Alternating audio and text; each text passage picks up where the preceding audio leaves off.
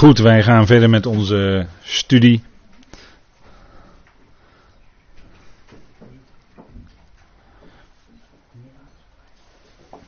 En vlak voor de pauze hebben we heel even gekeken naar die replica van de tempel van Salomo in Brazilië. Nou, die heeft in de pauze ook nog wel wat aanleiding eh, gegeven tot gesprekken hier en daar. Maar het is maar dat u het weet. Dan openbaring 12 vers 10b, die zegt, want de aanklager, hè, er, wordt, wordt, werd gejuicht hè, in de hemel, want de aanklager van onze broeders, zo wordt de Satan ook genoemd, hè, de draak, de slang, de oude slang, die hen aanklaagde voor onze God dag en nacht. Dat is een functie van de tegenstander, hè, aanklagen. Dat is ook een van zijn tactieken onder gelovigen. Dat is over, vooral over, voor, uh, ja, niet voor aanstaande, maar uh, mensen die uh, ondergelovigen um, opbouwende, opbouwend werk verrichten, laat ik het, laat ik het zo zeggen. Die, uh, daar, daarover wordt nog alles valse geruchten verspreid. Dat is een bekende tactiek. Dat is uh, subtiel aanklagen. Geruchten. Hoeft niet waar te zijn, maar meestal is een gerucht, dat gaat heel snel hoor. En dan, uh, nou ja, goed, dan uh, wordt er dus het vertrouwen in zo iemand, die tot opbouw is, wordt dan, uh, wordt dan uh, aan het wankelen gebracht natuurlijk. Hè? En ehm, dat is een hele bekende tactiek van de tegenstander. En die aanklaagde voor onze God, hè, staat er zelfs. Hè, dat deed hij ook al bij Job, weet u wel? Hè, is het ook dat Job God vreest? Hè? Kwam hij bij, te midden van de zonen Gods, hè? kwam hij daar in die vergadering, in de, in de, te midden van de hemelingen, hè? Die, de tegenstander, de Satan kwam daar ook. Die kwam daar ook. En die kwam daar dus om aan te klagen bij God. Job, hè.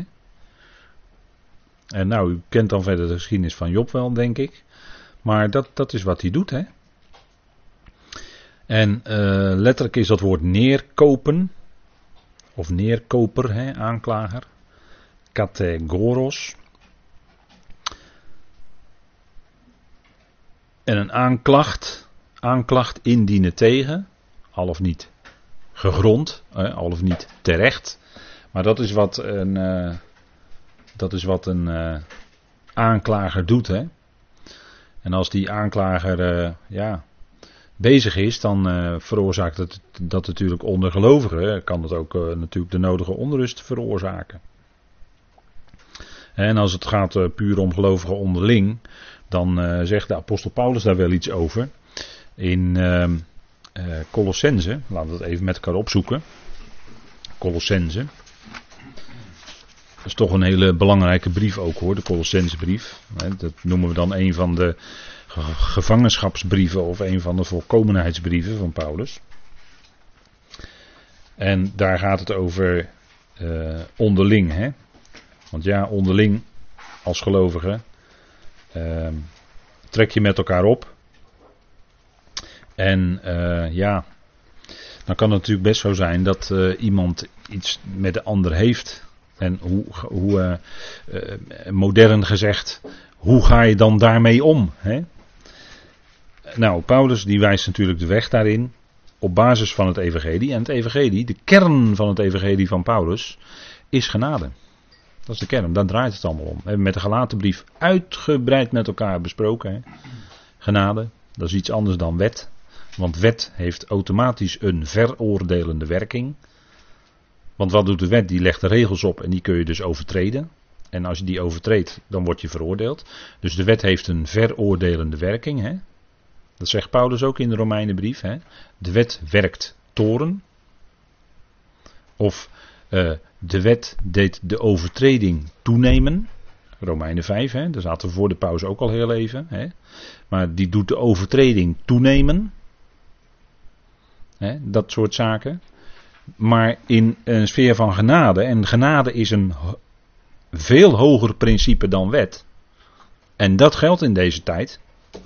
Onder de genade, lezen we in uh, Colossense 3. Elkaar verdragend, naast al die geweldige dingen hè, die Paulus in vers 12 zegt, maar vers 13 dan, Colossense 3 vers 13. Elkander verdragend en wederzijds genade schenkend, In geval iemand tegen iemand een klacht heeft. En zoals de Heer jullie genade schenkt, zo ook jullie. Dus staat nog een keer hè. Genade schenken staat hier twee keer hè. Elkaar wederzijds genade schenkend. En dan aan het eind van het vers. Zoals de Heer jullie genade schenkt, zo ook jullie. Dus wordt twee keer gezegd. Elkaar genade schenken. Indien iemand tegen iemand een klacht heeft. En dat kan zomaar gebeuren. Dat kan zomaar gebeuren. En hoe ga je daarmee om? Ga je dat dan aan iedereen verkondigen? dat jij een klacht hebt tegen die ander, want die ander heeft dit en dit jou aangedaan. en u kent ook wel het principe van oude koeien uit de sloot, weet u wel. Ja, die en die heeft tien jaar geleden dat en dat mij aangedaan. En dat zit er dan nog steeds, hè. Maar kijk, genade schenken wil zeggen dat je er met elkaar dan uit kan komen. Hè? Indien iemand tegen iemand een klacht heeft, schenk elkaar genade. En genade is dus niet elkaar veroordelen. Is dus niet elkaar, elkaar bestraffen. Nee, genade is zoals de Heer jullie genade schenkt, zo ook jullie. Zoals de Heer jullie genade schenkt. En de Heer weet wanneer wij, wanneer wij bij gelegenheid tekortschieten. Weet de Heer natuurlijk. Dat weet hij. En wat doet hij dan? Veroordeelt hij ons dan? Nee, hij schenkt ons genade. en eh, hij gebruikt, aan de andere kant gebruikt hij ook datgene in ons leven waarin wij tekortschieten. Gebruikt hij, natuurlijk. Genade heeft ook een opvoedende werking, zeker. Maar het is niet zo dat je op grond van gebrekkige wandel, want wie heeft er niet een, wie heeft er gebrekkige wandel? Kan, kan een gelovige zeggen dat hij een volmaakte wandel heeft? Denk het niet, hè? Ik denk dat niemand dat kan zeggen. Iedereen heeft ergens wel gebreken in de wandel. Hè? Want als we dat als we dat hier tegen afzetten, medelijdend mededogen, mildheid, geloof onderling zijn we gewoon vaak keihard. Gewoon keihard tegen elkaar, gewoon keihard. Dat is het tegenovergestelde van mildheid hoor. Ootmoedige gezindheid, daar zijn we met Filippenzen uitgebreid mee bezig. Ootmoedige gezindheid, dat is niet hoog, maar dat is laag. Dat is die ander, dat is die ander superieur achter aan jezelf als gelovige.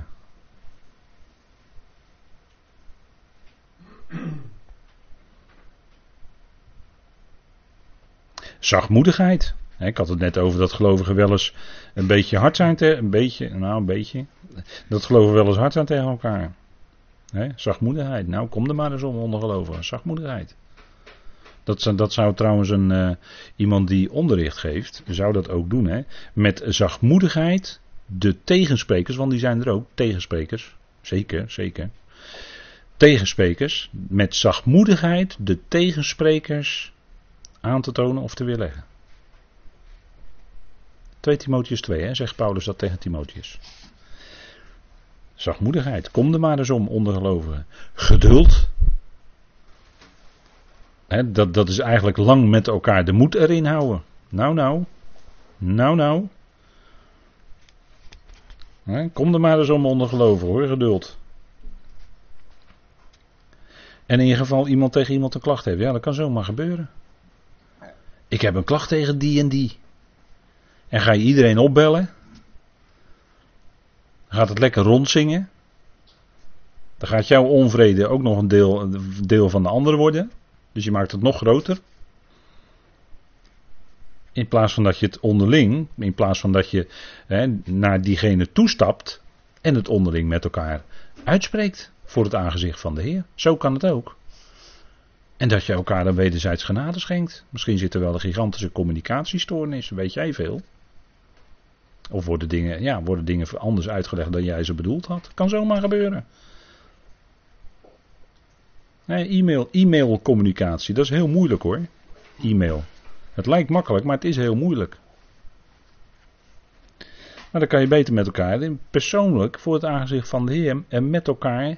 En dan zou ik bijna zeggen in de binnenkamer, hè, in, in, in beslotenheid, kan je het met elkaar uitspreken voor het aangezicht van de Heer. Met elkaar bidden.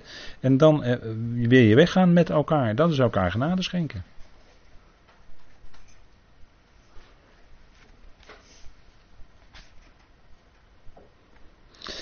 En zoals de Heer jullie genade schenkt, hè, want kijk, nou, kijk maar hoe de Heer met ons omgaat. Nou, kijk, die tegenstander, waarom vertel ik allemaal? Die tegenstander, die is de aanklager, staat hier in openbaring, hè, de aanklager, en zeker van de broeders.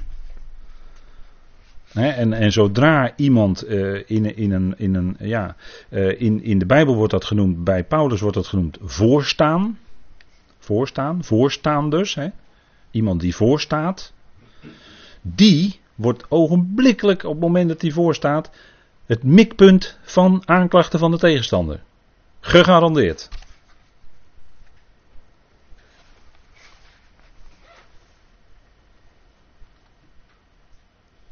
Ja, dat zo, zo werkt dat in de praktijk hoor. Ik, ik kan u heel wat voorbeelden noemen. Met naam en toenaam hoor. Maar dat ga ik niet doen hier. Maar denk erom dat dat op die manier werkt hoor. Het is zomaar een aanklacht tegen een broeder. Ja, maar dan moet je, dan moet je echt, dan moet je echt heel erg oppassen.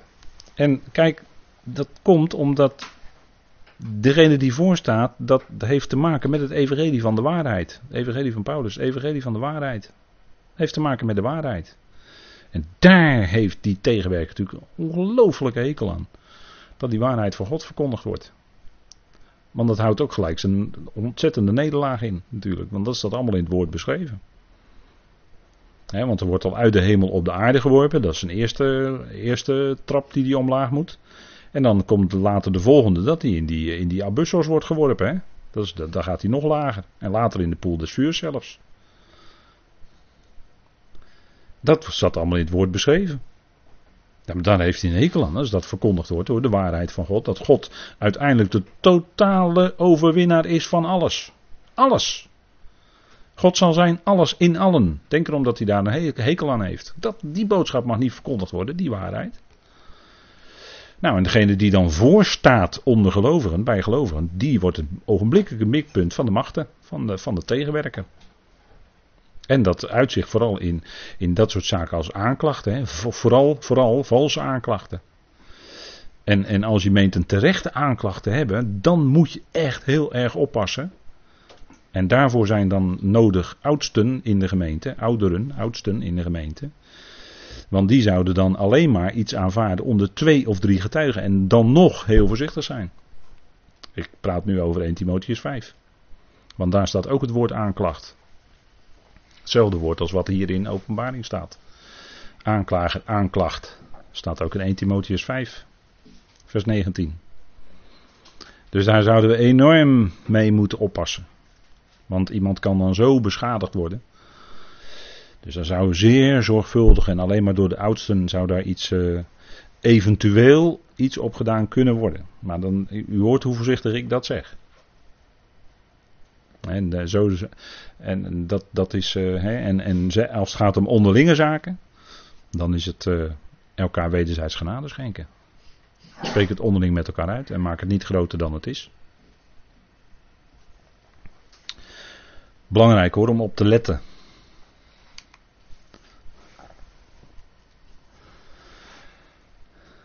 En dan wordt er hier ook de overwinning beschreven. En ze overwinnen hem door het bloed van het lammetje dat is een geweldige tegenstelling. Eigenlijk een uh, mooie om te zien. die weerloosheid van zo'n lammetje. het beeld van de Heer, zoals hij zich gaf als een vlekkeloos lam, dat geslacht werd. En het bloed van het lammetje, zoals het bij Exodus werd toegepast op die deurposten, weet u wel. En er was redding voor dat gezin. En dat sprak natuurlijk uiteindelijk in een type van het kostbare bloed van Christus. Als het vlekkeloze lam van God dat de zonde van de wereld wegneemt. De zonde van de wereld neemt hij weg, dat bloed.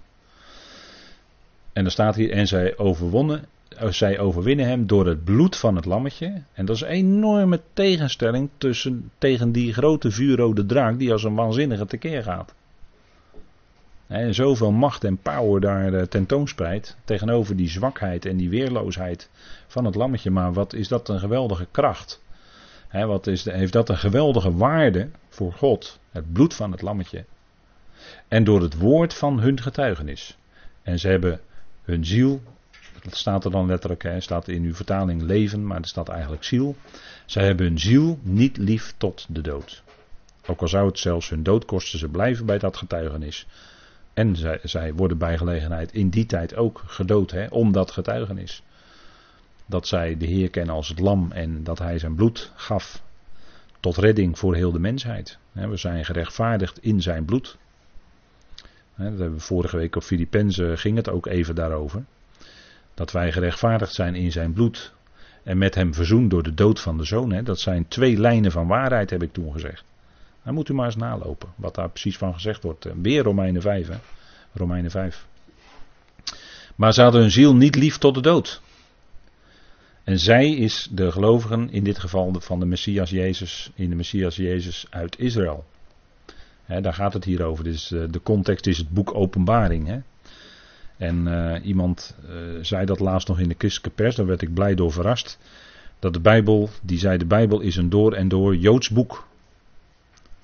Dat nou is er wel qua formulering iets af te dingen op die uitspraak, maar maakte wel duidelijk dat de Bijbel grotendeels gaat over Israël en geschreven is voor Israël en dat Israël uh, eigenlijk benoemd wordt in het grootste deel. Uitgezonden dan natuurlijk de brieven van Paulus, want dan gaat het over de gemeente.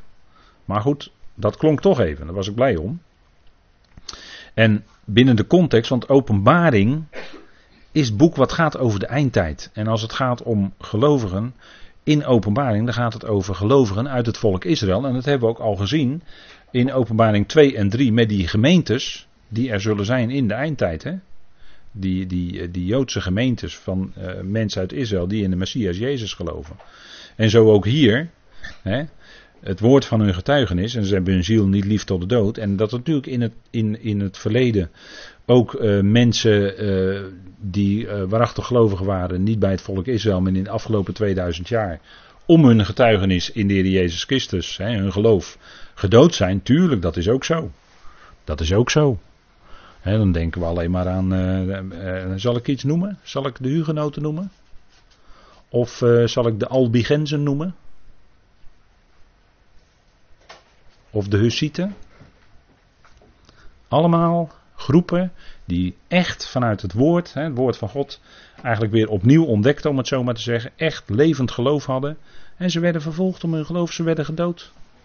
Om hun geloof, hun oprechte geloof. Dat gebeurde allemaal in de kerkgeschiedenis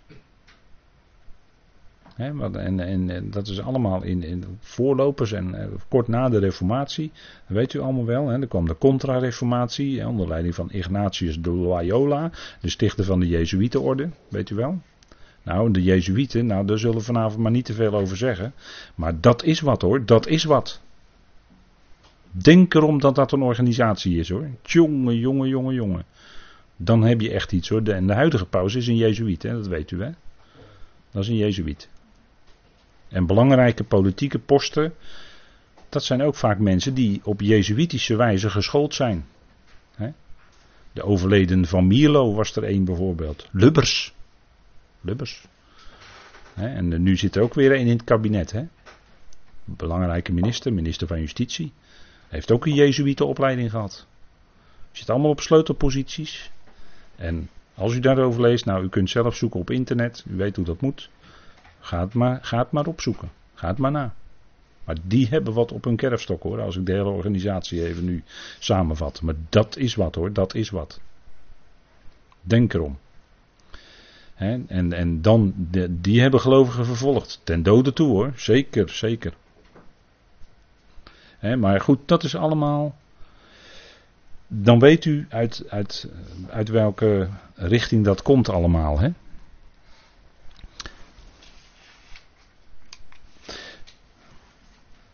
En dan is er blijdschap in de hemel. Daarom verheugt je hemelen en jullie die daarin wonen. En als, soms wordt het in Tenach wordt ook wel gezegd, hè, in het Oude Testament, wordt wel eens gezegd in psalmen bijvoorbeeld, verheugt u hemelen. Dan wordt ook dit bedoeld, hè, degene die de hemelen bewonen, hè, dus de hemelingen. Hè, waar wij als gemeente zoveel mee te maken al hebben en nog zullen krijgen ook. Hè, dat is onze toekomstige hemelse bediening als lichaam van Christus. Hè. Dat is onze bediening. Onze bediening is niet op aarde, maar is te midden van de hemelingen. Dat, dat weet u. U kunt het ook vinden als u op de website ebenezer.nl gaat kijken en u gaat kijken bij Wij Geloven. Daar staat dat ook. Daar staan we als gemeente Ebenezer voor. dat er een bediening is voor de gemeente te midden van de hemelingen en voor Israël hier op aarde, voor de volkeren. Dat staat, kunt u terugvinden op internet, eh, ebenezer.nl. Wij geloven, daar staat het allemaal keurig in. En verheug je hemelen en jullie die daarin wonen. Wee het land en de zee, want de diabolos, de duivel, of de dooreenwerper, is naar beneden gekomen naar jullie toe in grote woede, omdat hij weet dat hij nog een korte era heeft. En die era is 1260 dagen. want dit gebeurt zo, zeg maar, zo vlak voor die helft van die laatste jaarweek. En die korte era, die dagen zijn ingekort tot 1260 dagen. En u ziet dat God dan dus degene is die de touwtjes in handen heeft. Hè? Hij krijgt 1260 dagen, langer niet. Daarna, abussels in, wegwezen. Van die aarde weg, hup. Deksel erop, verzegelen, dicht, duizend jaar lang en je kan er niet uit. Even om te laten zien wie echt de touwtjes in handen heeft. Hè? Dat is God. Wat dacht u wat? Hij krijgt niet langer dan 1260 dagen. Dan is het afgelopen. Voorbij. En dan aan, na die duizend jaar, dat is heel wonderlijk, maar dan wordt hij nog een korte tijd losgelaten. Waarschijnlijk 75 dagen. En dan is hij in staat om in die korte tijd, is hij in staat om die hele wereld weer te mobiliseren en te laten optrekken naar Jeruzalem. Hoe is het mogelijk, zou je zeggen, hè? na duizendjarig vrederijk, zoals dat genoemd wordt. Is geen bijbelse uitdrukking, de uitdrukking is van Johannes de Heer. Maar er wordt alleen gesproken over de duizend jaren. Er wordt nooit gesproken over een duizendjarig vrederijk. He, zoek hem maar op in uw concordantie. U kunt hem niet vinden, die uitdrukking.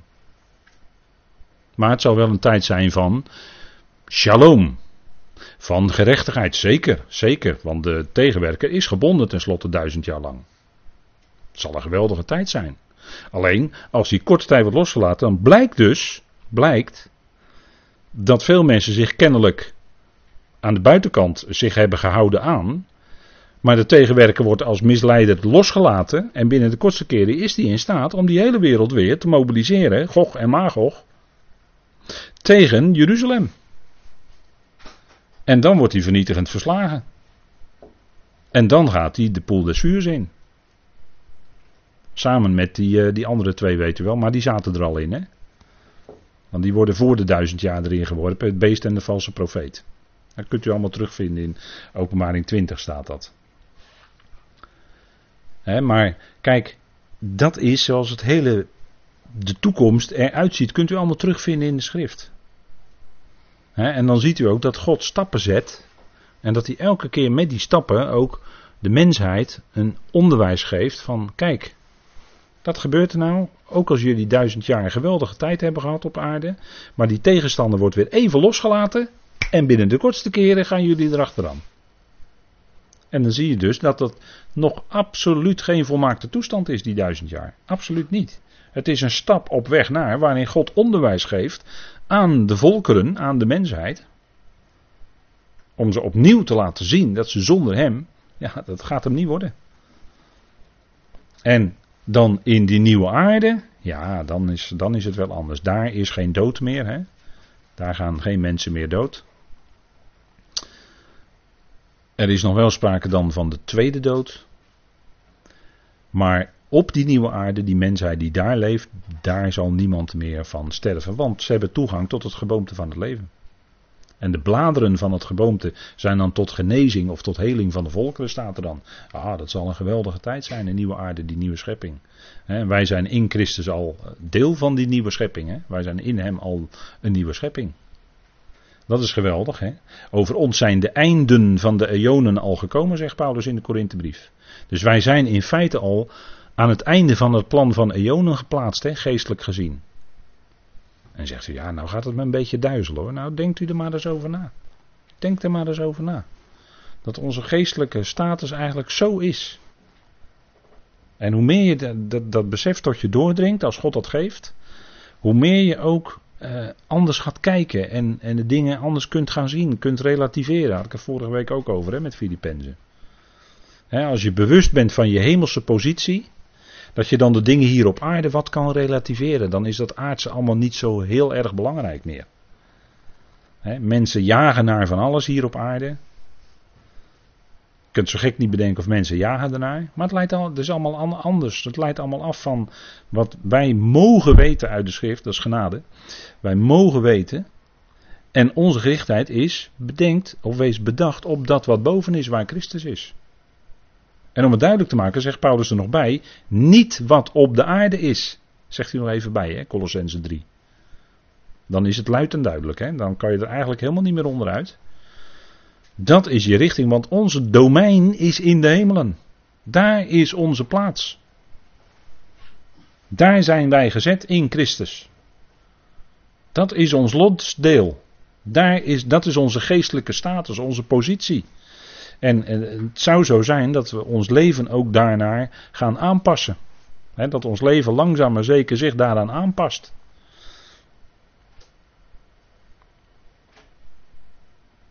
En dan, dan, dan wordt je levensrichting, gaat, eh, je leven gaat er anders uitzien. Je levensrichting wordt anders. Nee, ja. Carrière maken, ach ja. Het kost zoveel tijd, weet u. Als je carrière gaat maken, kost zoveel tijd.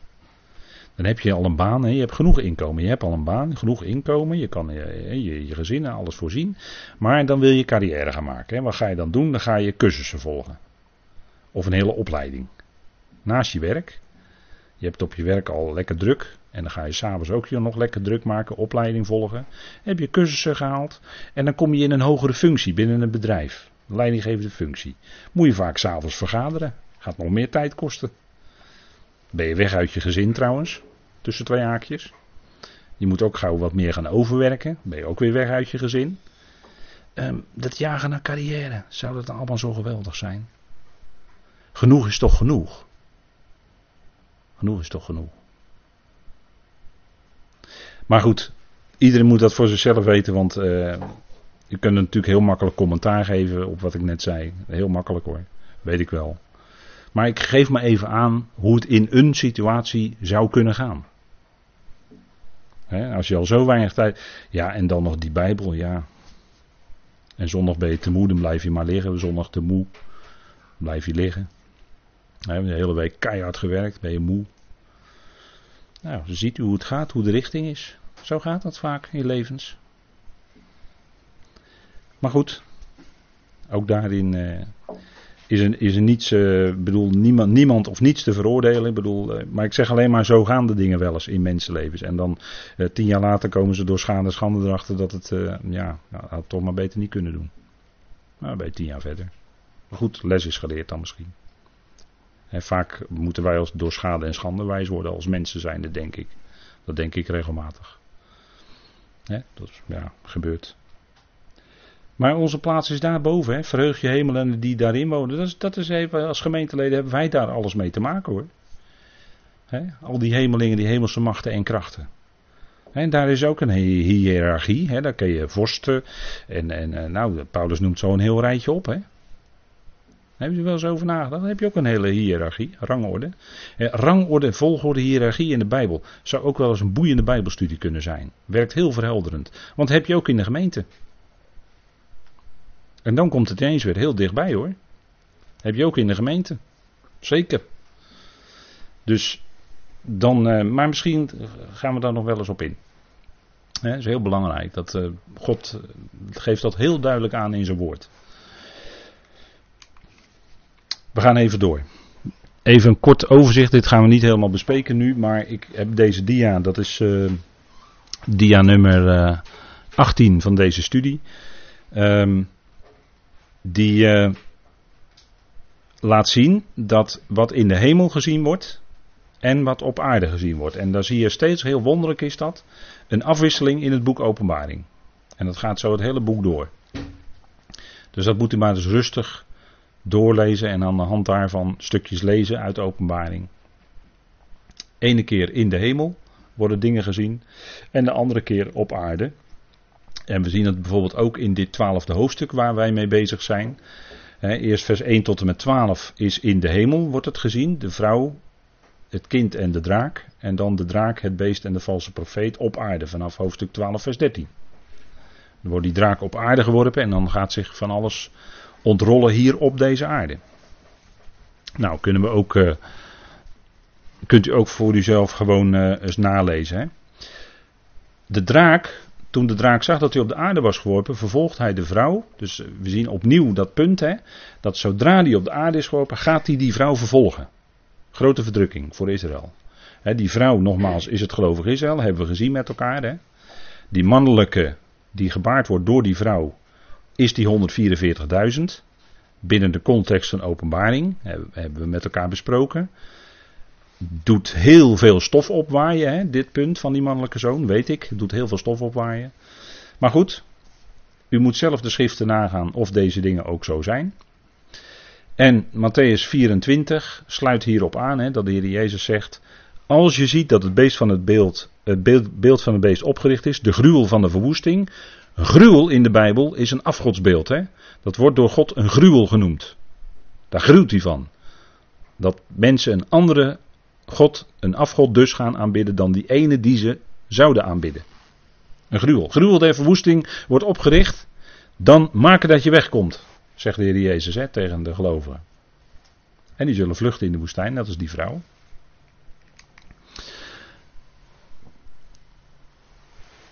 En dat gaat in snelheid, want aan die vrouw werden twee vleugels gegeven van een grote gier. En zij vliegt dan naar de wildernis, naar haar plaats waar zij gevoed wordt, tijd, tijden en halve tijd, buiten het gezicht van de slang. Dus opnieuw zien we hier wat hier op aarde gaat gebeuren. We zagen het eerst in de hemel, maar nu zien we dat op aarde. Het is in feite hetzelfde, openbaring 12 dan. En dan zullen zij ook bidden dat bijzondere gebed wat de Heer zijn discipelen leerde bidden. Geef ons heden ons dagelijks brood. Dat zal dan voor die groep helemaal to the point zijn. Uw koninkrijk komen, wat denkt u ervan? Uw wil geschieden, zoals in de hemel, alzo ook op de aarde. Dat is het gebed. Helemaal passend in die tijd voor die groep. Prachtig gebed. maar dat is echt voor, voor dan. heel bijzonder. En dat is buiten het gezicht van de slang. En u ziet dat de ene keer wordt die draak genoemd en de andere keer slang. Hè? Dat gaat in één adem zo door in dit stukje. Het is dezelfde.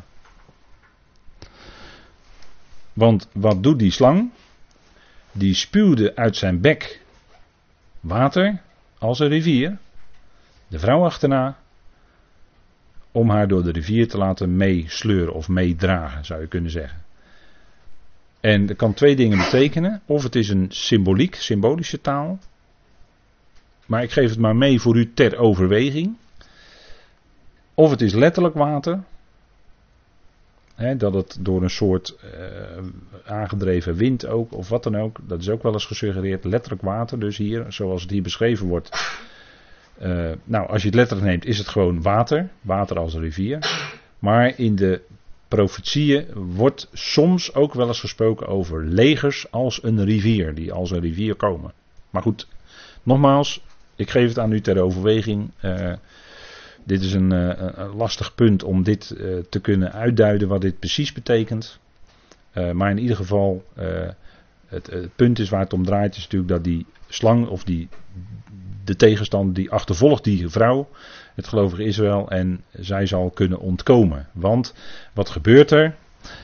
Zij ontkomt, de aarde komt de vrouw te hulp, opende haar mond en slokte de rivier op die de draak, hier wordt het ineens weer de draak genoemd, hè? het kwam uit de bek van die slang, maar hier wordt dan genoemd die de draak uit de bek had gespuwd. Dus ziet u die afwisseling, hè? slang en draak, is gewoon hetzelfde. En dat hebben we in het verleden wel eens iets soortgelijks gezien. Iets wat vijandig was binnen Israël zelfs. Dat was Korach, Datan en Abiram, weet u wel, nummer 16. Zij, zij stonden op tegen Mozes, zij stonden op tegen degene. En we hadden het vanavond al over een aanklacht in de gemeente. Hè? En oudsten, over, daarover gesproken. Hè? Zij hadden een aanklacht tegen Mozes. Dat was degene die door God was aangesteld. Om het volk te leiden. En wat gebeurde er? De aarde opende de mond, zo staat het in Numeri beschreven. De aarde opende de mond en slokte deze op. En later kwam er ook nog vuur om die anderen die met, uh, die met vreemd vuur op, de, op dat reukwerk waren gekomen, om die ook, uh, ja, dat was ook het einde van die groep. En dat was toen het gevolg van die opstand tegen Mozes, hè? was iets soortgelijks. Hè? Dus dat, dat is, uh, ja, kijk, de, de weerstand tegen degene die door God is aangesteld, ja, dat is er altijd. Dat was er toen ook al. Hè. Wat dat betreft is er niks nieuws onder de zon. Eh, we, kennen, we kennen het woord murmureren uit de Bijbel. Hè. Dat was bij het volk Israël spreekwoordelijk. Murmureren. Dat is uh, tegen degene die door God is aangesteld. En, en, en, dat heeft alles te maken met doorredeneren en verkeerd doorredeneren. daar zit murmureren zit daar heel dicht tegenaan hoor. Dat hoort bij elkaar opstand tegen Mozes. Ze ontketenden een revolutie tegen Mozes. Zo kan ik het ook zeggen. Misschien wel duidelijker. maar het is allemaal uit dezelfde koker natuurlijk. Maar de aarde slokt op. Korach, Datan en Abiram. En met hun, met hun familie notabene. Alles ging, was weg. Ze werden levend, gingen ze weg. En de opstand was voorbij. Ja, zo kan het gaan. Zo ging het in het verleden. Hè. Dat, hè, dit soort dingen is natuurlijk heel specifiek wat toen gebeurde. En nu leven we in een hele andere tijd.